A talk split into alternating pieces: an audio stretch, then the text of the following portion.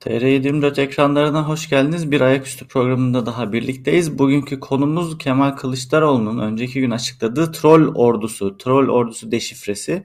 E, troller nedir, kimdir? Yandaş troller tabii bahsettiğimiz AK Parti'nin kullanmış olduğu internetteki, sosyal medyadaki trollerden bahsediyor, bahsedeceğiz. E, bunlar kimdir, nedir, ne yer, ne içer? Ortalama sağlıklı bir troll günde kaç tweet atar bunlar gibi konuları konuşacağız. Bülent Korucu bizimle beraber. Hoş geldiniz. Merhabalar. Merhaba Yavuz Bey. Sen de hoş geldin. Ben ben Bugün de hoş buldum. moderatörlük Evet. sende. Evet, ayak üstüne hızlı bir girişle başlıyoruz. Hemen isterseniz e, Kemal Kılıçdaroğlu'nun açıklamalarını nasıl yorumladınız? Neden şimdi böyle bir rapor açıklama, böyle bir e, trollerle ilgili bilgi verme ihtiyacı hissetti? Bu doğru bir hamle mi siyaseten? İsterseniz hemen bunlarla başlayalım. Ve bence doğru bir hamle. E, çünkü siyaseti domine eden faktörlerden birisi haline geldi sosyal medya. Ve sosyal medyada e, kamu kaynaklarını kullanarak AKP lehine kampanya yürüten, hani normal kampanya yürütse o da çok e, belki şey yapılmayabilir, eleştirilmeyebilir. Kamu kaynaklarını kullanıyor olmaları her halükarda eleştirilecektir de. Ama hani e, bir partinin kendi kaynaklarını kullanarak kendi ücretini ödediği insanları sosyal medyada ama tabii ki kendi kimlikleriyle troll olmadan kullanabilir. Sosyal medya bir imkan. Bunu şeyle karşılaştırabiliriz istersen. Yani Obama e, sosyal medyayı, iletişimi müsbet anlamda kullanan, doğru kullanan ve bu yolla seçim kazanan e, bir Amerikan başkanı olarak kayıtlara geçmişti. Hatta hatırlarsan başkan seçildiğinde o zaman BlackBerry telefonlar vardı. O telefonumu bırakacağım ve güvenlikli Beyaz Saray'ın telefonunu alacağım diye çok üzülüyorum filan gibi espriler de yapıyordu. Yüz yüze iletişim bizzat başkan adayı olarak e, affedersin teknik iletişimi çok iyi kullanmıştı o seçim kampanyasında. Bu müsbet bir e, doğru ve legal bir kullanım. Ama bir de Trump'ın seçim kazanma şekli vardı. İşte Facebook üzerinden tamamen e, manipüle ederek, tamamen insanların algısıyla oynayarak ve tamamen örtülü bir biçimde. Yani şeffaf olmayan her şeyin bir kere e, kötü olduğunu, yasak olması gerektiğini düşünmemiz lazım. Çünkü şeffaflığın altında, örtünün altında her türlü şey, kötülük e, büyüyebiliyor, her türlü kötülük barınabiliyor. E, Kemal Kılıçdaroğlu'nun bu anlamda e, çıkışını ben doğru buluyorum ama tabii antiparanteze şunu söylemek lazım. E, o 100 bin liralık gecesi, geceliği 100 bin liralık olan odada o çekibi yapmış olması eleştiri konusu oldu ve saatler boyunca da Kemal Kılıçdaroğlu buna cevap vermedi, cevap üretmedi. Cumhuriyet Halk Partisi'nde böyle bir ağır kanlılık var. Yani AKP'nin e, sosyal medya hesapları, AKP'nin sosyal medya projesi, üstüne trolleri de koy.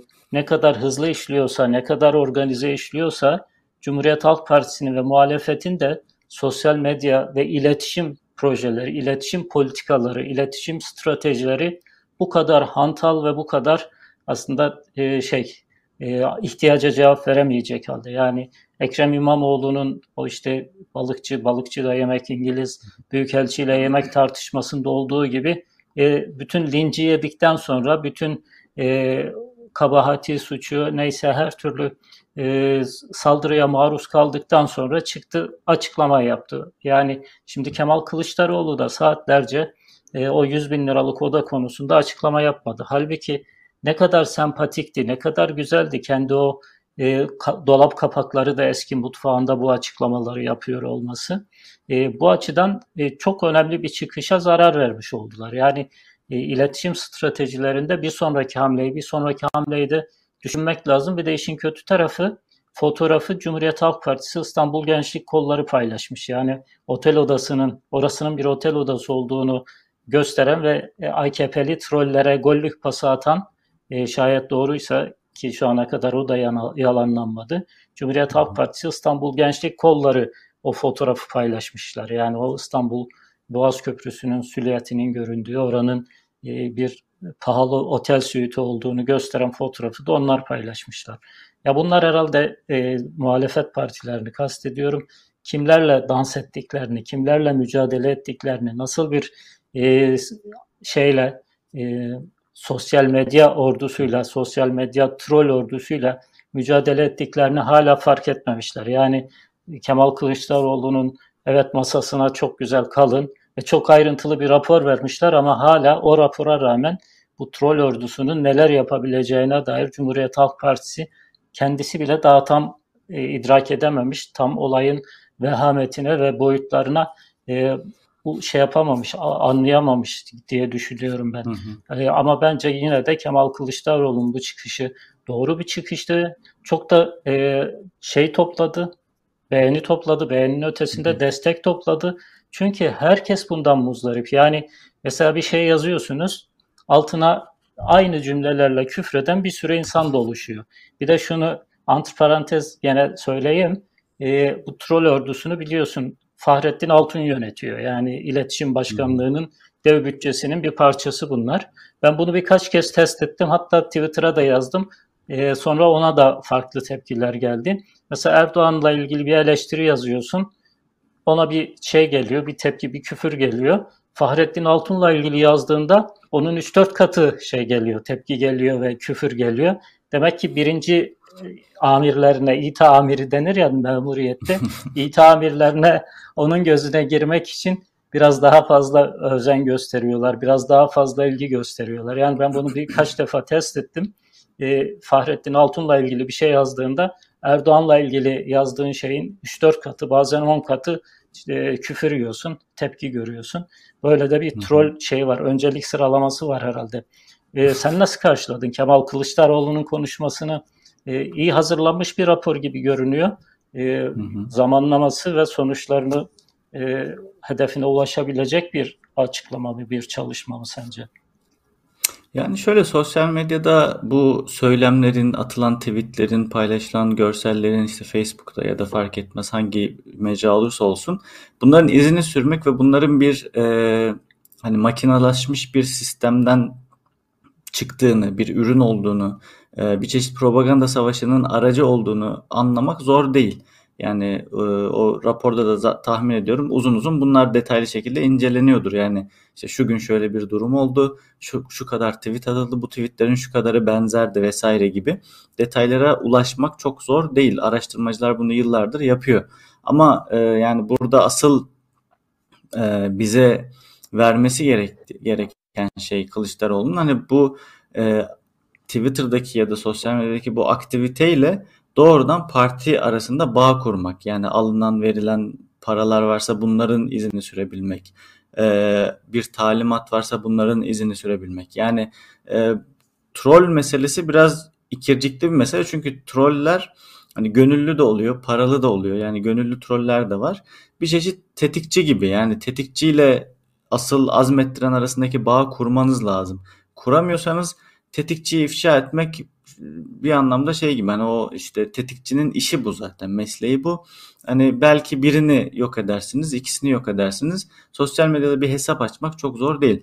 Ha şu var e, çok uzun zamandır büyütülen beslenen işte belli kılcallara girmiş hesapları ifşa edip e, yok ettiğinizde tabii ki de bir anlamda sosyal medyada bir etkiyi kırmış oluyorsunuz. Bu önemli bir gelişme. Yani bu açıdan trollerin üzerinde durmak lazım. Ama yani son yıllarda özellikle işte Amerika'da Trump'ın seçilmesinden sonra yine Brexit olayından sonra işte bu trollerin kullanımı gündeme geldi ve hep uzmanların bahsettiği şey şu yani trollere prim vermemeniz lazım. Çünkü onlar o primle e, iş görüyorlar. Yani muhalifleri kızdırıyorlar. Muhalifler onların paylaşımlarına alıntılıyor bir şekilde ve bu onları büyütüyor. Çünkü e, kamplaşma siyasetinde, kutuplaşma siyasetinde taraflar arasındaki iletişimde haklılık, haksızlık, mantıklı olup olmamak hiç önemli değil. Karşı tarafı kızdırabiliyorsanız başarılısınız. Trump hep bunu uyguladı. Yani e, liberal, demokrat e, medya alanı çok yaygın Amerika'da ön planda onları kızdırmaya oynadı. Çünkü onlar kızdıkça, öfkelendikçe, işte Trump'ın üzerine gittikçe o seçmenini bir şekilde tutabiliyor. Seçmenini konsolide edebiliyor. AK Parti de bu stratejiyi uyguluyor çok uzun zamandır. Özellikle Gezi'den beridir. Çünkü Gezi Parkı olayları AK Parti'nin sosyal medyanın önemini kavradığı olaylar. Dolayısıyla Gezi'den beridir tek amacı var bu trollerin. Rakibi kızdırmak, öfkelendirmek, hataya zorlamak, e, bir şekilde o aradaki fay hatlarını canlı tutmak, siz biz ayrımını sürekli canlı tutmak. Bunu e, sadece paralı troller yapmıyor. Yani gönüllü troller de var. Artı sadece AK Parti'nin trolleri değil her kesimin trolleri var. Her kesimde bu insanlar gönüllü ya da paralı bu e, ayrımları sürekli ayakta tutarak çok ses getiriyorlar. Ama bu çok ses getirmek her zaman başarılı olduğu anlamına gelmiyor projenin. Yani e, bir bunu bir propaganda makinesi gibi düşündüğünüzde hani bu makinede e, başarılı olmanın yolu nedir diye sorarsanız eğer güç sizdeyse kutuplaşmayı arttırmak başarıdır. Ama güç sizde değilse kutuplaşmayı arttırmak başarısızlıktır. Çok net yani hani bu çalışmalar da gösteriyor. Bugüne kadar yaşadıklarımız da gösteriyor. Yani Kılıçdaroğlu'nun bu e, hamlesi etkiyi kırma anlamında veya gündemde bir şekilde olay e, gündeme bir şeyler getirme anlamında faydalı gibi ama bence güncel olarak yani şu anda muhalefetin yapması gereken bu mu? Bir de hani az önce saydığınız hatalar da var işin içinde. Yani işte otel odası meselesi şu bu. Hani muhalefet şu an gerçekten buna mı odaklanmalı veya bu rapor gerçekten hedefine ulaşacak mı diye sorarsanız bence çok kısıtlı bir anlamı olacak bir hamle gibi gözüküyor diye söyleyebilirim. Peki ya tekrar burada size benim... sözü bırakayım.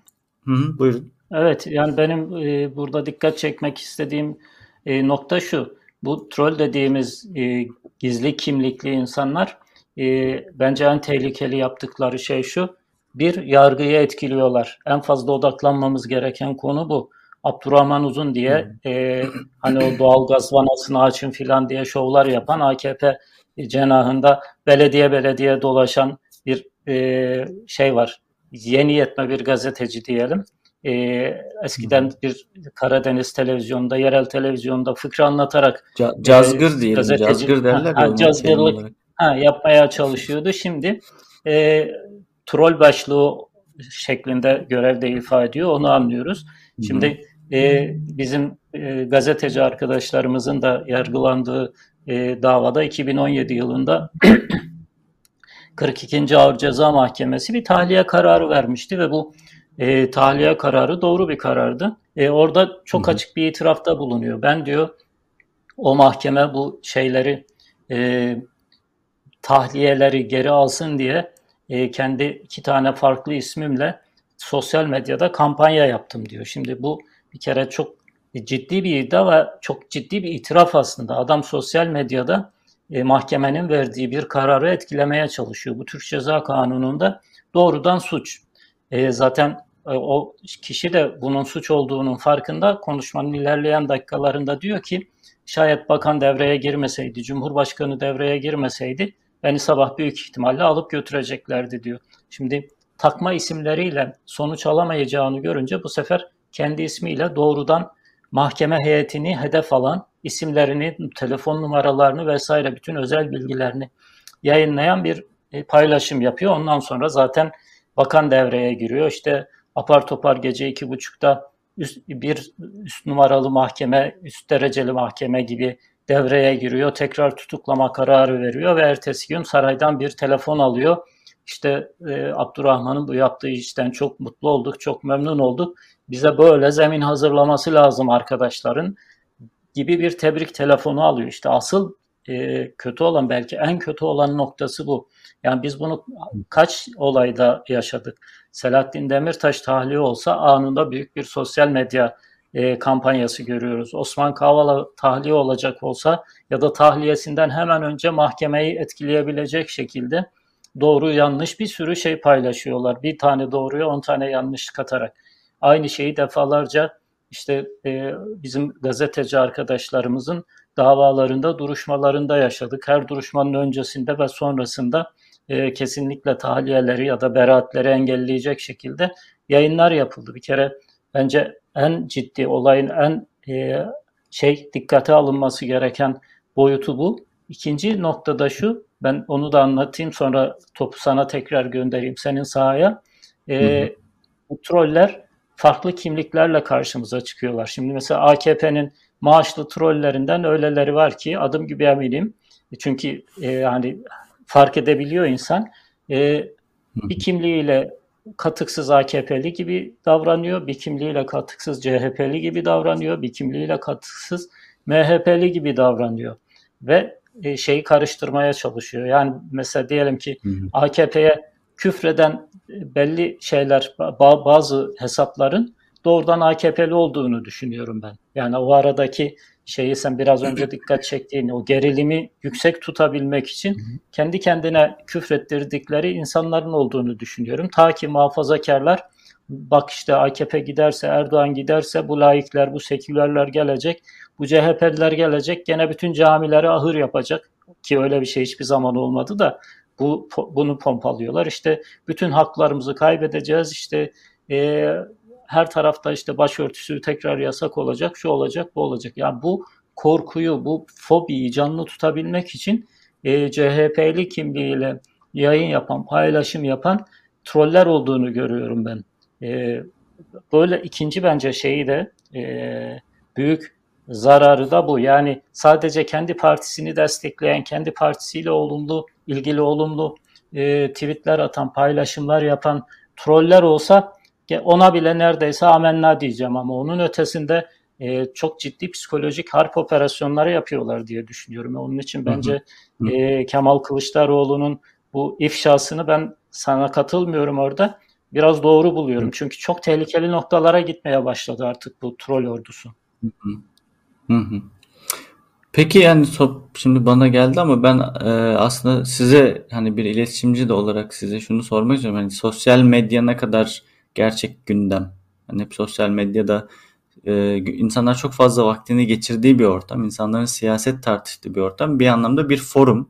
E, insanlar e, burada bir araya geliyorlar. Bir kamusal tartışmanın ne diyelim zekatı kadar bir şey belki e, orada görülebiliyor. Yani e, gerçek anlamda bir kamusal tartışma alanı değil ama e, sosyal medyada işte insanlar bir şekilde neler oluyor, neler bitiyor, kim ne düşünüyor bunu görme şansına da sahip. Bir anlamda bir karşılaşma mekanı işte farklı görüşten insanlar e, yankı odaları olsa dahi işte bir şekilde sızıyor sağdan soldan görüşler ve en azından farklı görüşteki insanların neler düşündüğünü görme şansınız var. Hele ki biraz da çaba sarf ederseniz. Ee, ya bu sosyal medya gerçekten politik anlamda bir e, nasıl bir etki yaratıyor? Acaba gerçek bir dönüşüme yol açıyor mu? E, gerçek bir aktivizm alanı mı? Gerçek bir e, mücadele alanı mı? Yoksa e, sosyal medya aslında biraz da e, meseleyi sulandıran, e, gerçek gündemleri belki rafa kaldıran ve işte e, hatta sinik sinizme yol açan bir e, mecra mı? Siz ne düşünüyorsunuz bu konuda? Valla dünyadaki adı sosyal medya ama Türkiye'deki adını değiştirmek siyasal medya yapmak gerekir diye düşünüyorum. E, bilhassa geleneksel medyanın iyice sıfırlandığı ve iyice iktidarın propaganda makinasına dönüştüğü bir ortamda en azından muhalefet açısından bir varoluş mecrası. E, AKP tabanına ulaşma ve AKP tabanını etkileme konusunda etkisinin e, abartıldığı kadar olmadığını düşünüyorum ben. Çünkü onlar e, haberleşmelerini daha çok A Haber üzerinden ya da işte e, gazeteleri üzerinden. Gazetelerinden de şu anda çok şey yok da çünkü gazeteler WhatsApp, satmıyor. WhatsApp grupları gayet revaçta diye evet, biliyorum. Yani Yasin Aktay da dikkat çekti. Evet, WhatsApp gruplarını çok aktüel olarak kullanıyorlar. Hatta e, yeri gelmişken onu da hatırlatalım. Bu e, Tayyip Erdoğan'ın e, Dünürlerinden bir tanesi. Ha. Yok yok dünürlerinden bir tanesi. 17-25 e, Aralık'tan sonra Eyüp'te yanlış hatırlamıyorsam bir e, kafeterya gibi bir yerde işte halkı toplamış.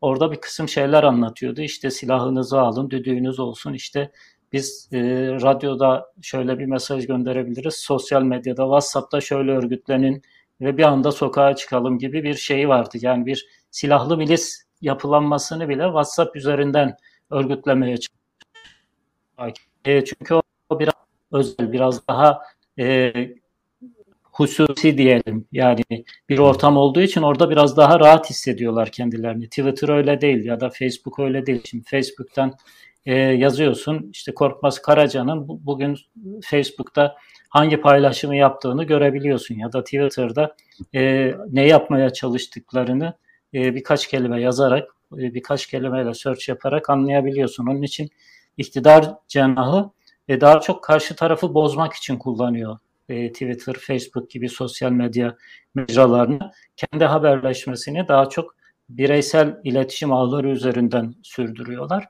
E, hı hı. Ben muhalefet açısından yani bir anlamda olumlu bir anlamda olumsuz görüyorum sosyal medyadaki bu şeyi, fırtınayı. Olumlu tarafı şu, şayet sosyal medyada olmazsa e, toplumun hiç olmazsa belli kesimleri e, tamamen A Haber'in e, propaganda bombardımanı altında kalacak ve zehirlenecek. Yani e, birçok gerçeği insanlar sosyal medyadan öğreniyorlar. İşin olumlu tarafı bu ama olumsuz tarafı da şu senin dikkat çektiğin nokta bir e, tatmine yol açıyor. Sosyal medya muhalefetin güçlü olduğu ve işte birçok şeyi değiştirebildiği, hesap sorabildiği gibi bir yanlış algı oluşturuyor. Onun için muhalefet milletvekillerine de arada artık insanlar itiraz etmeye başladı ya. Ya tweet'i biz de atıyoruz kardeşim sen milletvekilisin, sen genel başkan yardımcısın, sen işte e, şusun busun, şu komisyonun üyesisin.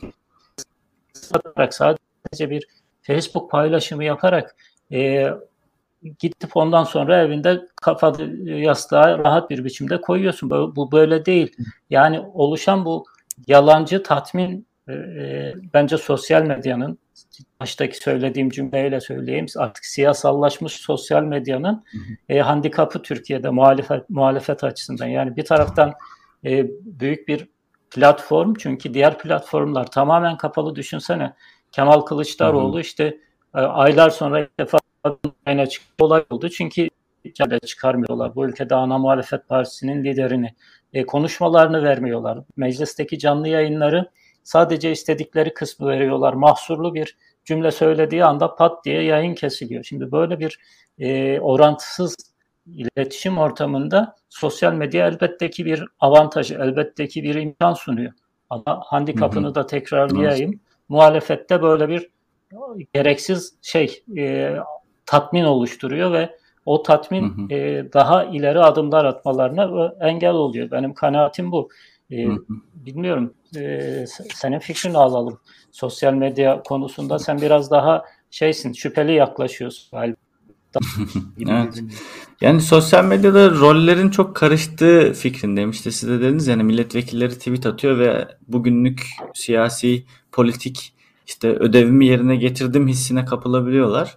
Aynı şekilde işte Gezi Parkı ile birlikte işte o fenomen hesaplar dediğimiz hesaplar vardı. İnsanların hoşuna giden işte gündemi böyle mizahi dille yorumlayan bazen işte e, hani mesela siz sıradan bir insan ya da iyi namuslu bir Türk vatandaşı olarak e, küfretmek istemiyorsunuz ama onlar küfrediyor hoşunuza gidiyor bu hani çünkü sizin sevmediğiniz kişiye küfrediyor içiniz soğuyor oh diyorsunuz bu çok güzel küfür ediyor diyorsunuz işte destekliyorsunuz RT'liyorsunuz falan. Bu roller çok karışıyor şimdi bu tip bir e, gündem işte şeyleri var. İnsan hakları aktivistleri var. İşte kendi davalarını duyurmaya çalışıyorlar. Bir şeyler yapmaya çalışıyorlar. Ee, bunun yanı sıra işte politikacılar var. Onlar da bazen bu şeye kapılıyorlar. Yani dolayısıyla kim ne yapıyor sosyal medyada çok bir ayrışmıyor. Yani sosyal medyadaki herkes aşağı yukarı aynı şeyi yapmaya çalışıyor. Aynı şekilde e, yani çok popüler olmaya çalışıyor. Çok RT almaya, çok like almaya çalışıyor. Yani bu da ciddi anlamda bir hani iletişim kurma imkanını öldürüyor.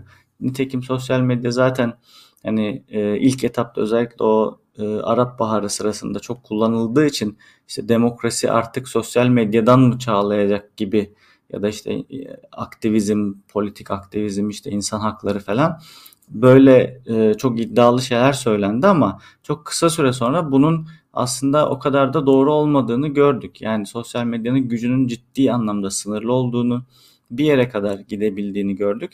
Ee, aslında bakarsanız bu şu an YouTube yayını yapıyoruz. YouTube da bir sosyal medya ve e, işte televizyonların ka- kısıtlandığı, kapandığı noktalarda bu şekilde devreye girebiliyor e, bu avantajları olmakla birlikte yani genel manada özellikle e, siyasetin çok konuşulduğu, yoğun konuşulduğu Twitter gibi, e, Facebook gibi ortamlar e, yani bana sorarsanız çok da ciddi anlamlar ifade etmiyor. Ama tekrar e, troll savaşlarına dönelim. Sizin son sözlerinizi almak istiyorum. Hani programı da yavaş yavaş kapatalım. E, yani bu trollerle ilgili sizce hani muhalefetin hani ifşa etmek dışında ya da özellikle e, az önce bahsettiğiniz gibi ciddi etkileri olan hesaplar çünkü bazı troll hesaplarını bakanlar takip ediyor, milletvekilleri takip ediyor ve ona göre hani bir borazan görevi de görüyorlar. Yani safları sıklaştırma görevi de görüyorlar. Şu an e, özellikle seçim satım haline de girmiş gibiyiz. Yani e, işte Adalet Bakanı değiştirildi. Onunla ilgili yapılan yorumlar hep şu minvalde işte Erdoğan safları sıklaştırıyor, bir savaş kabinesi kuruyor şeklinde. E, bu noktada yani seçim satım haline girdiğimizi de düşünürsek troller üzerinden neler bekliyorsunuz? Neler yapılabilir? Neler bizi bekliyor olabilir? Belki de Kılıçdaroğlu buna mı ön almaya çalışıyordu acaba? E, troller konusunda dikkat çekmek gereken önemli noktalardan bir tanesi de birkaç kişi deşifre oldu. Bunlar bürokraside üst düzey kişiler. Hatta yargı camiasında üst düzey kişilerin e, troll hesaplar üzerinden e, racon kestikleri ortaya çıktı ki bu e, biraz önce de söylediğim gibi belki olayın en tehlikeli boyutlarından bir tanesi. Yani düşün ki bir e, yüksek yargıda bürokratsın ya da e, Adalet Bakanlığı'nda pek çok yargıcın tayini terfisiyle ilgili işlem yapabilecek bir noktadasın.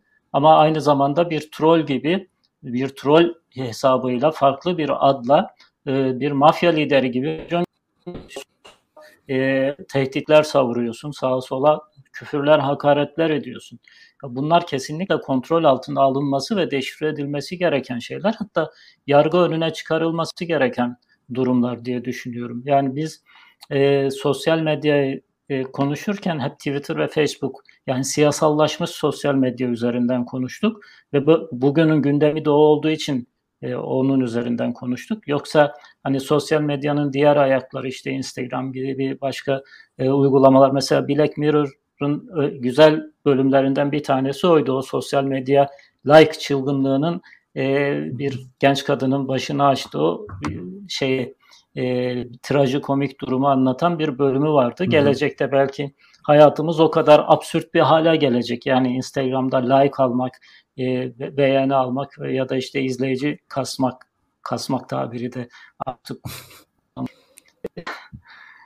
e, bu, bunlar artık yani insanların psikolojik dengesini ve sosyal hayatın dengesini de bozuyor. Ama şu anda açık ve yakın tehlike siyasette olduğu için biz siyasete çok fazlasıyla odaklandık. Düşünün ki bu ülkede bir, bir başbakan isimsiz, isimsiz bir troll mektubuyla trollendi ve görevi bırakmak zorunda kaldı. Elbette ki zaten Erdoğan onu yiyecekti ama bir gerekçeye ihtiyacı vardı. Hani biraz önce Abdurrahman Uzun'u konuşurken söyledik ya aramış ona şey demiş yani işte yapmış saraydan birisi aramış kendisi aramamış arkadaşlar işte böyle davransınlar bize zemin hazırlasınlar. Şimdi Ahmet Davutoğlu'nun gidişinin psikolojik ortamını AKP'liler nezdinde Ahmet Davutoğlu'yu e, ötekileştirmek, şeytanlaştırmak için isim, isimsiz bir e, mektup yayınladılar işte Pelikan bildirisi ve ondan sonra zaten o troll ordusunun genel ismi haline geldi Pelikanlar. Yani bir başbakanı değişikliğini tetikleyecek bir kıvılcımı, bir ateşi yaktılar. Elbette ki o mektuptan dolayı gitmedi Davutoğlu. Erdoğan götürmek istediği için o mektubu kullandı ya da o mektup e, sabıkasının sabıkalarından bir tanesi haline getirildi.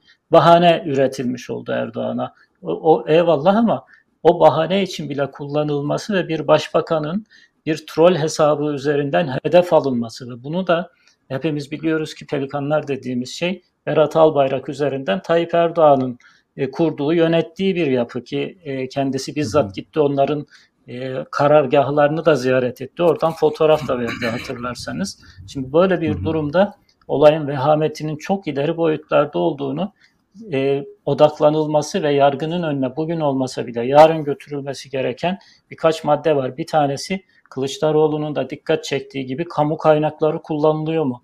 Bu ister genel bütçeden olsun ister belediyelerden olsun. Çünkü biz biliyoruz ki e, bazı troll ordularını belediye üzerinden sigorta yapıyorlar. Belediye üzerinden maaş ödüyorlar. Böylece biraz daha örtbas etmeye çalışıyorlar. Kamu kaynakları suistimal ediliyor mu, kullanılıyor mu bir. İkincisi de bu troll ordularıyla yargı etkileniyor mu? Yargıyı etkileme çabasına giriliyor mu? Bu anayasal bir suç. Ceza kanununda karşılığı var.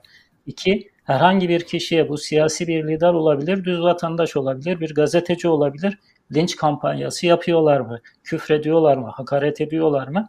Bunları e, yargısal boyutu da var. Yani hukuk karşısında da bunlar suç olduğu için en azından bunların raporlanması, dosyalanması bugün ya da bugün sorulamayacaksa hesabı en azından hı hı. E, hesabının sorulabileceği günlere bu arşivin e, aktarılması lazım diye düşünüyorum.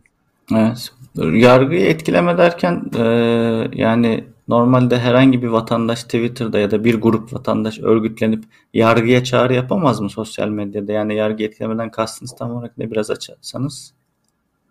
Yargı, yargıyı etkilemek e, aslında kapsamı çok geniş. Yani yargıcın kararını etkilemeye çalışmak ama bunun e, daha ileri boyutları yargıcı tehdit etmek yargıca ya, yanlış veya da yalan e, kamuoyu oluşturarak yalan bilgilerle yargıcın verdiği kararın e, bozulmasını ya da şekillenmesini sağlamak. Yani şimdi e, diyelim ki gazetecilerle ilgili öyle yalan tezviratlar ortaya döküldü ki yani sonra bir daha herhangi bir e, yargıç onlarla ilgili tahliye vermeye cesaret edemedi. Fazla fazla yattılar, gittiler cezaevinde.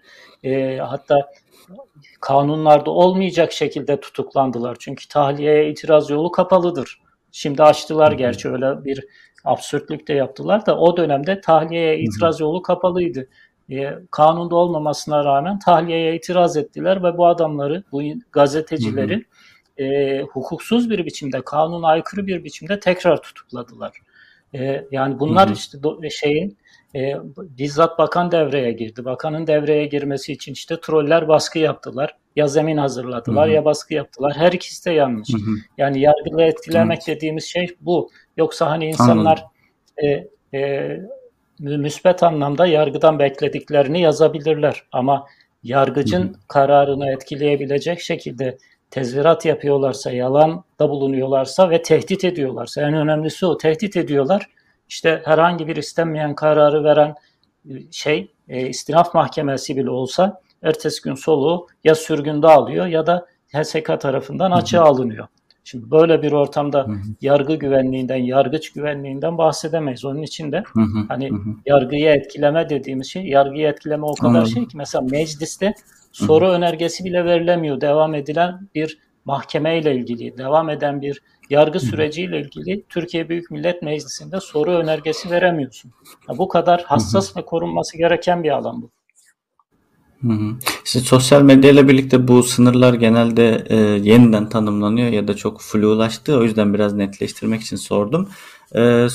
Trollerle ilgili e, benim ekleyeceğim şu var. Yani iki işe yarıyor troller. Bir az önce konuştuklarımızın özeti olarak işte karşı taraf dediğiniz tarafla bir mücadele yürütmek ve sürekli e, Twitter'da yazıp çizen, e, karşı taraftan yazıp çizen, muhalefet eden insanları b- bezdirmek, bıktırmak ya da işte e, onlara karşı bir kamuoyu oluşturmak e, şeklinde bir rolleri var. Ama ikinci bir rol de şu, sürekli kendilerini takip eden AK Partililere ya da işte iktidar yanlılarına doğru yoldayız, yanlış bir şey yok, gözünüzü kapatın olan biten yanlışları ya da işte olumsuzlukları görmezden gelin. Biz kazanacağız. Kazandığımızda hepiniz mutlu edeceğiz gibi bir e, hani cennet şeyi satım satın cennetten arsa vaadi gibi bir e, işlev görüyor. Bir vaaz verir gibi.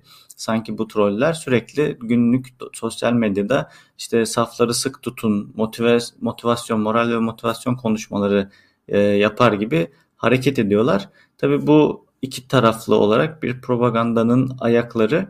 Ee, yani tabii bu bir süre insanları uyutabilir. Herkesi bir süre kandırabilirsiniz ama bir noktadan sonra işte ekonominin durumuyla beraber gördüğümüz bazı şeyler var. Ee, uzun süre herkesi kandıramıyorsunuz. İyi ki yani çok şükür. Ee, önümüzdeki günlerde de bunu göreceğiz. Ekleyeceğiniz bir şey yoksa programı yavaş yavaş kapatalım. Evet, teşekkür ederiz. Teşekkür Bizi ediyoruz. Teşekkür ederiz bizleri izlediğiniz için. Önümüzdeki hafta yine ayak üstünde görüşmek üzere. Hoşçakalın.